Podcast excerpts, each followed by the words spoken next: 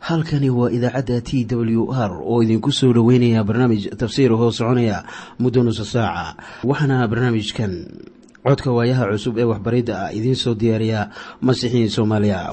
Sareyow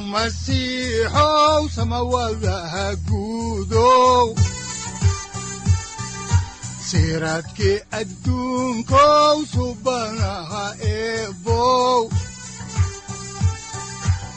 sareyow masiixow samawadaha guudow siraadkii adduunkow subanaha eebow adigoo samada jiro ifkaan soo saldhiganba adigoo samada jiro ifkaan soo saldhiganba kutubtiisanaye wuxunogu saaciiday sharxin sifahaaga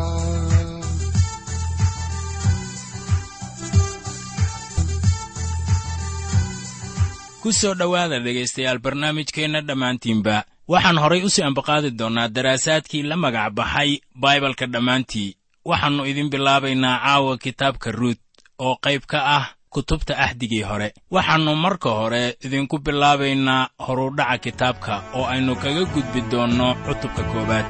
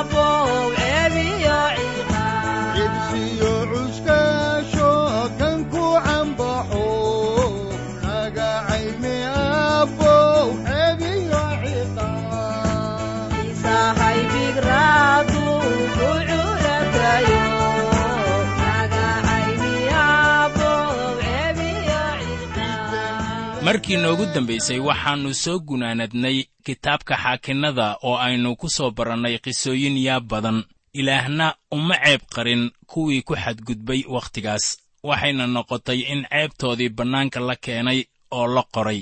Waxaannu haddaba caawa idiin bilaabaynaa kitaabkii ruut. Dhegaystayaal badankiin waxaa laga yaabaa inayba garanaynin inuu jiro kitaab lagu magacaabo ruut. Waxaanad is odhan karaysaan oo maxaa ku qoran kitaabkaasi oo xikmad ah balse intaynan horay u sii soconin aynu ku bilowno maaddada ka hadlaysa horudhaca kitaabka.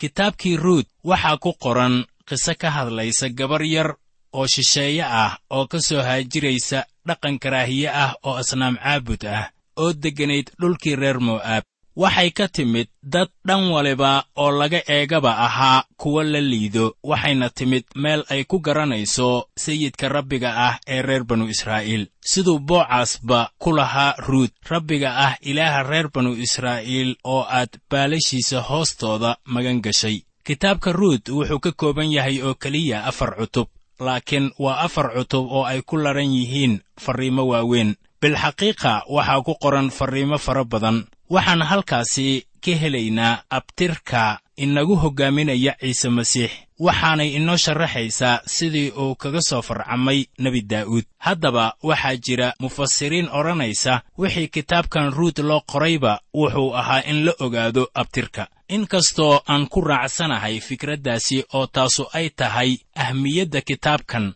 ayaanan rumaysnayn anigu in aasaaska kitaabkan loo qoray ay noqonayso ujeeddadaas. Ragga mufasiriinta ah waxay leeyihiin sida ku qoran aayadda ugu dambaysa ee cutubka afaraad aayadda toddoba iyo tobanaad ee leh ee isagu waa yeesay aabbihiis kii daa'uud dhalay. Ayaa muujinaysa dareenka qoraha markii uu qorayey dhacdadan amase uu maaganaa inuu qoro kitaabkan. Waxaa aayaddaasi sare u qaadaya abtirka ka dambeeya ee kitaabku uu ku soo xirmayo. Kitaabka ruut waa mid ahmiyaddiisu ay weyn tahay. Marka la eego sida uu ugu soo xirmayo imaanshaha ciise masiix dunidan uu imaan doonay. Haddaynan haysanin kitaabkan yar ayaanay suuragal noqoteen in daa'uud lagu xidho qabiil ahaan reer yuhuuddah waa isku xir marka la eego silsilladda qorniinka ee ka soo bilaabatay kitaabka bilowgii oo hoos u imaanaysa ama ku soo arooraysa mooradii beytlaxam ilaa iyo iskutallaabta ilaa iyo taajka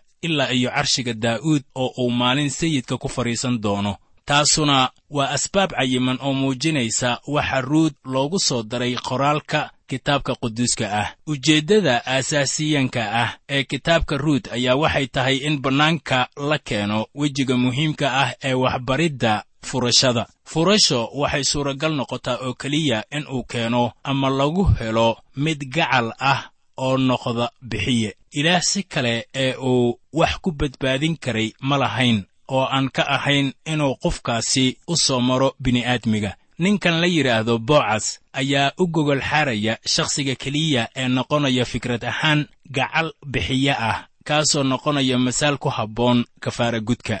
Haddaba kitaabkan yar ee ruut ayaa innaga heerkeenna ah wuxuuna inoo sheegayaa qiso caadi ah oo qabsatay laba qof oo isjecel. Dadkaasu waxay ahaayeen dad caadi ah oo qisadoodan jacaylka ah ayaa noqonaysa muraayad aynu ka arki karayno jacaylka rabbaaniga ah ee badbaadiyuhu uu inoo hayo innaga oo dhan. Markaan soo galno kitaabkan ruut ayaannu arkaynaa qiso jacayl ah oo hortayada la keenayo. Haddaan soo koobno kitaabka ruut ayaan idiin sheegaynaa inuu yahay kitaab kooban oo afar cutub oo keliya ah. Waxaase jira habab badan oo kitaabkaasi loo qaybin karo. Kutubta qaar waxaad mooddaa inay hagaagsan yihiin laakiin qisadan aynu bilaabi doonno waxay u muuqanaysaa in laga helayo qanacsanaan ka badan inta laga helayo qoraallada kale. Wuxuu u kala qaybsamayaa qariidad ahaan afar goobood. Kow dhulkii reer mo'aab oo aynu ku arkayno cutubka koowaad. Labo beertii bocas oo cutubka labaadi ka hadlayo. Saddex badartumista boocas oo iyana ku qoran cutubka saddexaad. Afar qalbigii iyo hooygii boocas oo iyana laga helayo cutubka afaraad. Haddaan haddaba intaasi kaga gudubno horudhicii kitaabkii ruut ayaannu iminka soo gudagelaynaa cutubka koowaad ee kitaabkii ruut. Haddaan xigashada kitaabkan ku bilowno qisadan jacaylka ah ee baaxadda iyo macaaniga weyn leh ayaannu eegaynaa kitaabkii ruut baalka saddex boqol sagaal iyo soddon ee axdigii hore cutubka koowaad aayadda koowaad. Waxaana qoran sida tan. Waagii xaakinnadu wax xukumi jireen abaar baa dalkii ka dhacday markaasaa nin beytlaxam yuhuudah uu ka tegey oo wuxuu qariib ahaan u degay waddankii mo'aab isagii iyo naagtiisii iyo labadiisii wiilba. Aayaddan kitaabkan ruut uu ku furmayo waxay daboolaysaa wax badan. Bilxaqiiqa waxay u muuqanaysaa sida warbixin ku qoran wargeysyada beryaheenna soo baxa ee casriga ah. Waxaa wargeysyada casriga ahi ay caan ku yihiin inay qisooyinka u qoraan hab waafaqsan sharciga qoraalka waxaana jira laba hab oo ay isticmaalaan. Waxay qorayaan marka hore wakhtiga iyo meesha qisadu ay ka dhacday. Waxaana la doonayaa in jumlada ugu horraysa lagu soo koobo wixii dhacay iyo meeshii ay ka dhaceen. Mararka qaar jumlada koowaad ayaa noqonaysa tuduc dhan. Waxaana laynoogu sheegayaa qisadii oo dhan. Waxay kuu sheegaysaa waxa dhacdadaasu ay tahay. Halkii ay ka dhacday iyo goortii ay dhacday iyo weliba guud ahaan sidii waxaasu ay ku bilowdeen ama ay u dhaceen. Haddaba markii aad eegto aayadda koowaad ee cutubkan koowaad ayaa ruuxa quduuska ah si la yaab leh uu inoogu sheegayaa warbixintan. Wuxuu aayaddan gaaban inoogu sheegayaa wakhtiga iyo meesha qisadu ay ka dhacday wakhtiga waa markii ay xaakinnadu wax xukumayeen. Maalmahaasu waxay ahaayeen kuwa qas iyo jahawareer badan. Marka dhinaca kale laga eego waxay ahaayeen wakhtiyadii ugu xumaa ee taariikhda reer banu israa'iil ay soo marto. Waxaad xusuusataa in taariikhda reer banu israa'iil markii ay addoommada ku ahaayeen dhulkii masar iyo sidii ilaah uu ugu badbaadiyey xooggiisa iyo dhiig iyo sidii uu ula soo jiray markii ay cidlada marayeen. Dabeetana wuxuu dhex keenay dalkoodii uu beri hore u ballanqaaday kaasuna wuxuu ahaa ballanqaad caaqibo leh. Waxay dadka qaar la noqonaysaa qarankan ilaah sida mucjisada leh uu ku badbaadiyey oo awoowayaashoodna ay garanayeen xanuunka gumaysiga inay ilaah ugu adeegayaan daacadnimo iyo qumanaan. Laakiin waxaad og tahay inaanay sidaas yeelin. Kitaabka xaakinnada wuxuu inoo sheegayaa qiso ceeb iyo faxashir ah oo ilaah looga soo dhaqaaqay iyo sidii dadkii ilaaha baaqiga ah u adeegayey ay ugu soo leexdeen asnaam caabud iyo damiir xumo iyo sidii ay ilaah ugu caban jireen markii cadowgoodu uu silciyo iyo weliba sidii ilaah uu u sara kiciyey xaakinno si ay u badbaadiyaan. Markii ay ilaah ka dheeraadaan reer banu israa'iil ciqaab baa imaan jirtay wuxuuna u gacangelin jiray cadaawayaashooda amase col baa imaan jiray oo ka adkaan jiray. Markii ay silcaan ayay ilaah u yeedhan jireen haddana. Ilaahna wuxuu ahaa mid nimco badan oo wuu aqbali jiray. Wuxuu mar waliba kicin jiray xaakinno badbaadiya dadkiisa reer banu israa'iil. Kitaabkii ruut wuxuu ku jaango'on yahay wakhtigii xaakinnada. Dhacdadan waxaa la qoray wakhtigan isaga ah waxaana saldhig looga dhigay xaakinnada. Waa wakhti uu xaakin ahaa nin samson oo kale ah sababtaas aawadeed baa ilaah uu u qorayaa kitaabkan. Miyayna ahayn wuxuu qorayaa qiso nabaaddiinno oo saldhiggeedu u yahay dembi. Markaasuu ka duldhisayaa qisadan hagaagsan oo saldhiggeedu u yahay wakhtigii xaakinnada. Waa sawirkan midka ina hor yaalla waxaana qisadu ay dhacday wakhtigii ay xaakinnadu xukumayeen dalka reer banu israa'iil.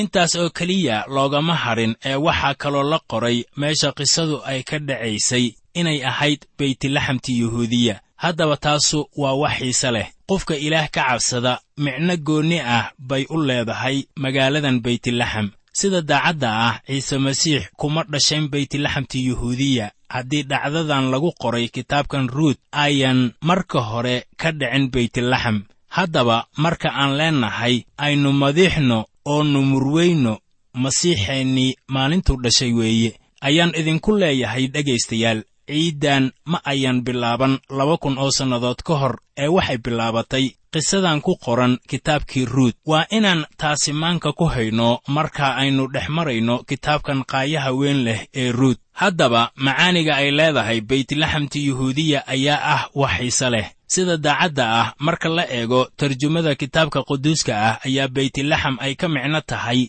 guri kibis leh. Yuhuuddahna waxay ka micno tahay ammaan. Waxaanay goobtaasi ka dhigaysaa meel wacan oo lagu noolaado miyaanay haddaba kula ahayn. In guri kibis iyo ammaanu ay taallo uu noqonayo meel lagu noolaado.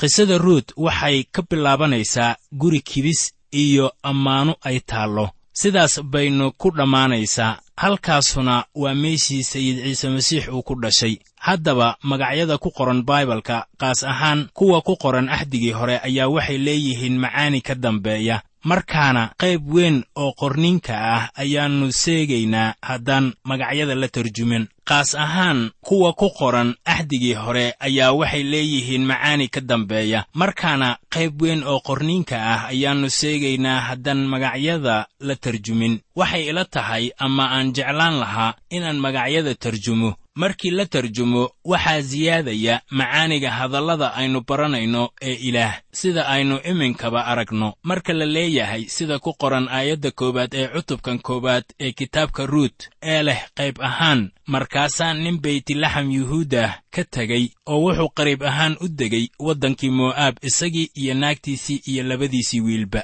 Ayaa taasu ay ka dhigan tahay inuu ninkaasu ku noolaa guri kibis iyo ammaanu ay taallo laakiin wuu socdaalay oo wuxuu aaday dalkii reer mo'aab waxaa jiray shay hadallada ilaah ay ka odhanayaan mo'aab waana wax xiise leh waa wax idinka qoslinaya. Kitaabka zabuuradda cutubka boqol iyo siddeedaad ee aayadda sagaalaad ee baalka toddoba boqol kow iyo sagaashan ee ahdigii hore ayaa waxaa ku qoran sida tan. Mo'aab waa weelkaygii aan ku maydhan jiray. Haddaba sidaas buu ilaah ka leeyahay markay joogto mo'aab soo arki maysid. Waxay ahaayeen dad la liido oo qisadooduna ay ceeb iyo faxashar ku soo bilaabatay oo mana ahayn kuwa wax wanaagsan lagaga qoray hadallada ilaah. Haddaan soo koobo waxa ilaah uu ka leeyahay reer mo'aab. Markii aynu eegno aayaddaasi kore ayaa waxay tahay in mo'aab ay tahay meel qashinqub ah. Bal qisada aynu dib ugu noqonno oo qadar aan isla eegno waxa halkan yaalla. Waxaa inta yaalla qoys.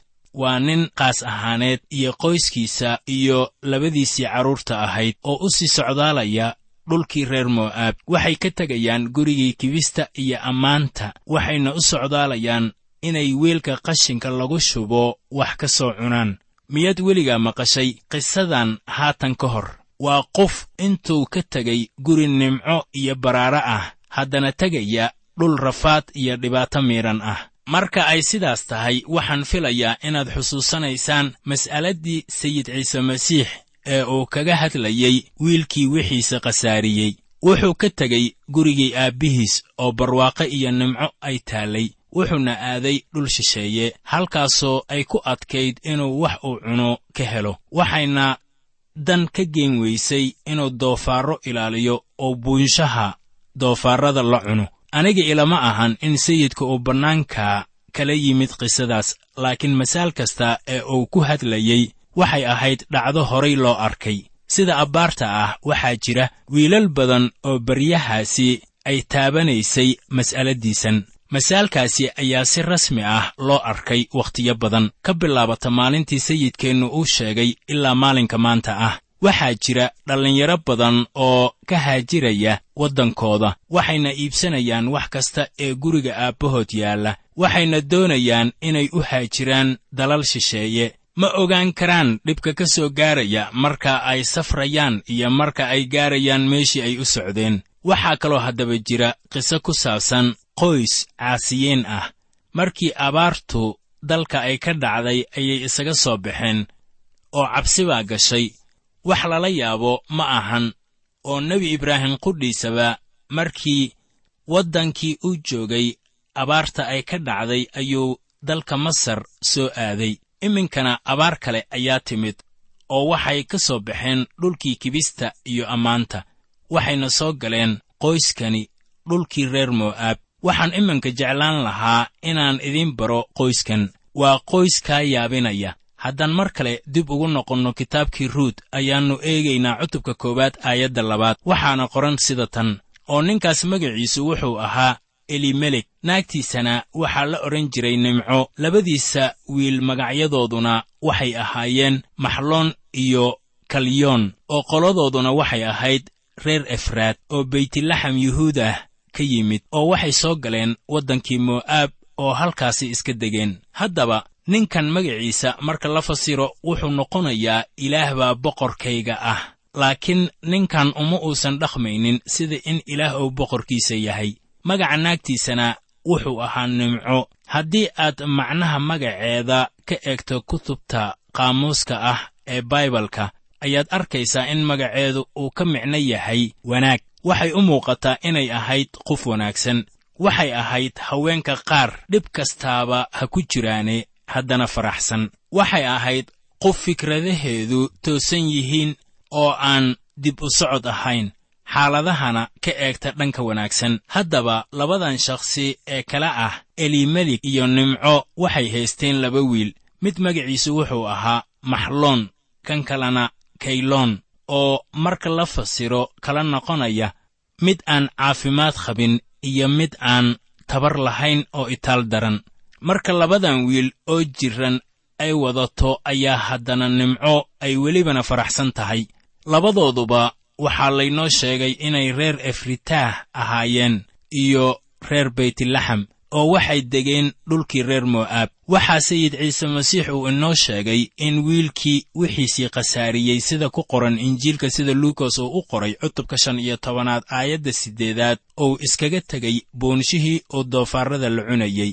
Haddaba waxaa jiray kuwo buunshaha wakhti dheer sii jooga oo qoyskanuna wuxuu ahaa mid ayaan daran oo dib uguma ayan noqon. Hase yeeshee wiilkii wixiisii khasaariyey waa la cafiyey oo la soo dhoweeyey. Kuwanu waxay ahaayeen qoys wacan. Waxaana qoyska hormood u ahaa aabbaha oo magaciisu u yahay ilaah baa boqorkayga ah ama elimelik waxaana hooyo u ah nimco. Waxaana la socda laba wiil oo buka. Waxaana ay u socdaan inay degaan dhulkii mo'aab halkaasoo aan quut uu ugu horraynin. Aayadda saddexaad ayaa waxay leedahay sida tan markaasaa waxaa dhintay elimelik oo ahaa nimco ninkeedii oo waxaa hadhay iyadii iyo labadeedii wiil. Waxaan idiin sheegay inaanay waxba halkaasi uga horraynin.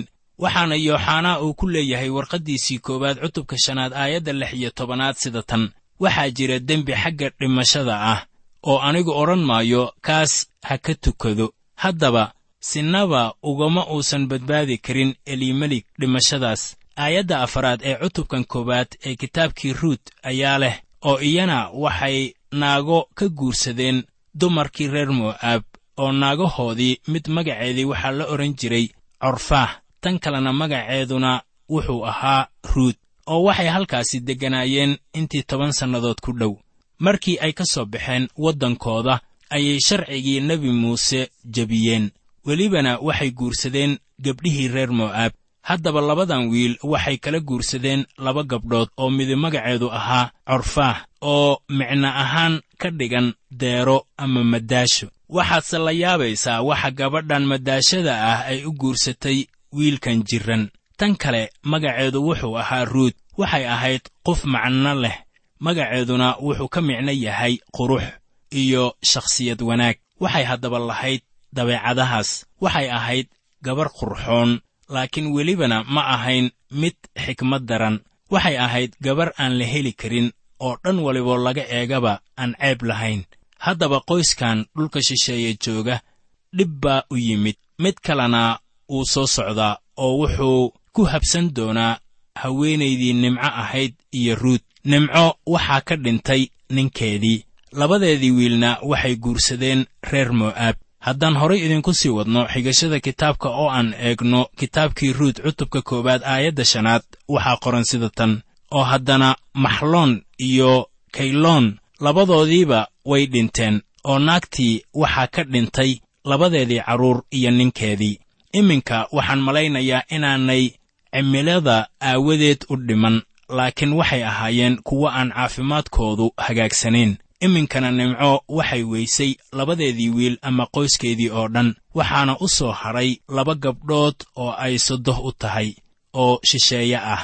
Waxaan ku leeyahay dhib baa ku habsaday oo qoyskii caasiyiinta ahaa sidii wiilkii wixiisii khasaariyey ayaa lagu jeedaaliyey dhul fog. Haddaan horay idinku sii wadno xigashada kitaabka oo aan eegno cutubka koowaad aayadda lixaad ee kitaabkii ruut waxaa qoran sida tan. Markaasay kacday iyadoo wadata labadii gabdhood ee ay sodohda u ahayd inay ka noqoto waddankii mo'aab. Waayo waxay waddankii mo'aab ku maqashay in rabbigu dadkiisii uu soo booqday oo uu cunto siiyey. Haddaba waxaa halkaasi ku soo dhammaanaya abaartii dhulkii la ballanqaaday ku habsatay.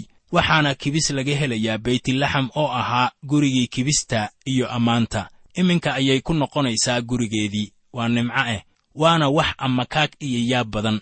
Qoyskan caasiga ah iyo wiilka caasiga ah ama wixiisii khasaariyey wuxuu had iyo goorba dhowrayaa inuu mar un gaaro gurigii aabbaha. Haddaba qoyskan waa inuu dib ugu noqdo gurigii aabbaha. Ugu dambayntii ayaa nimco waxay goosatay inay dib ugu noqoto dhulkeedii reer banu israa'iil oo waxay leedahay nimco waxaan aadayaa beytlaxamtii yuhuudiya. Haddaan xaalkaasi ka eegno qorninka ayaa waxaa ku qoran aayadda toddobaad sida tan oo markaasay meeshii ay joogtay ka tagtay oo labadii gabdhood oo ay sodohda u ahaydna way la socdeen oo jidkay qaadeen inay ku noqdaan dalkii reer yuhuuddah waxay ula hadlaysaa nimco gabdhihii ay sodohda u ahayd si dhab ah. Waxay u sheegaysaa sida xaaladda waddankaasi uu yahay waa markii ay gaaraan beytlaxame soo arki maysid reer mo'aab iyo reer banu israa'iil waxba iskuma ayan darsan jirin. Waxayna leedahay markii aan soo koobo rag idin guursada heli maysaan ee gabdhahaygiyow waddankiinna iska jooga. Haddaan horay idinku sii wado xigashada kitaabkii ruud oo aan eego cutubka koowaad aayadda siddeedaad waxaa qoran sida tan. Markaasaa nimco waxay ku tidhi labadii gabdhood ee ay sodohda u ahayd taga oo midiin kastaaba ha ku noqoto gurigii hooyadeed oo rabbigu si raxmad leh ha idin yeelo taasoo ah sidii aad iila macaamilooteen kuwii dhintay iyo anigaba. Hadal qiimi leh ayay kula hadashay oo waxay gabdhahanu ahaayeen kuwo ixtiraam iyo wanaag u haya sodohdood sida badan sodoh waliba waxay si xun ula macaamilootaa gabdhaha wiilashoodu ay qabaan. Laakiin waxaa halkan jooga mid ku leh gabdhihii reer mo'aab. Waxaad ahaydeen hablo wanaagsan. Waxayse ku dhiirigelinaysaa inay gurigii hooyadood dib ugu noqdaan. Iminkana waxaannu eegaynaa aayadda sagaalaad waxaana qoran sida tan. Rabbigu mididiin kastaaba nasasho ha ku siiyo guriga ninkeeda oo markaasay iyagii dhunkatay oo iyana codkoodiibay kor u qaadeen ooy ooyeen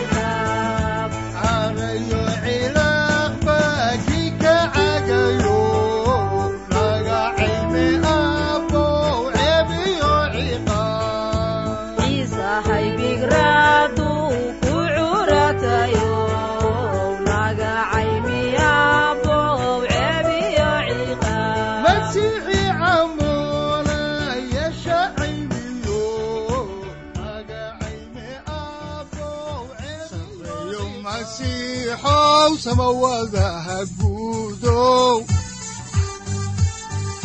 siraadkii adduunkow subanaha eebow adigoo samada jiro ifkan soo saldhiganba adigoo samada jiro ifkan soo saldhiganba kutubtiisanaye halkani waa t w r idaacadda t w r oo idinku leh ilaa ha idin barakeeyo oo ha idinku anfaco wixii aad caawi ka maqasheen barnaamijka. Waxaa barnaamijkan oo kalea aad ka maqli doontaan habeen dambe hadahan oo kale haddiise aad doonaysaan in aad fikirkiina ka dhiibataan wixii aad caawi maqasheen ayaad nagala soo xiriiri kartaan som t w r at t w r c o k e haddii aad doonaysaan in aad dejisataan oo kaydsataan barnaamijka ama aad mar kale dhegaysataan fadlan mar kale booqo www t w r o r g amase www t t b t w r o r g. Amase waxaad teleefoonkaaga ku kaydsataa ama ku download garaysataa agabyada ku sahli karaa dhegeysiga t w r haddii aad doonayso in laga kaalmeeyo dhinacyada fahamka kitaabka amase aad u baahan tahay duco fadlan fariimahaaga soo mari bogga aaraahda ama kommentska inana jawaab degdeg ah ayaanu ku soo diri doonaa amase ku siin doonaaye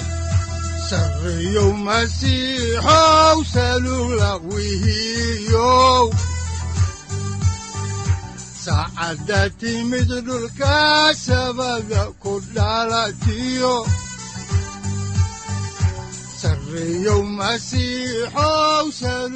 halkani waa t w r oo idiin rajaynaya habeen baraare iyo barwaaqaba leh.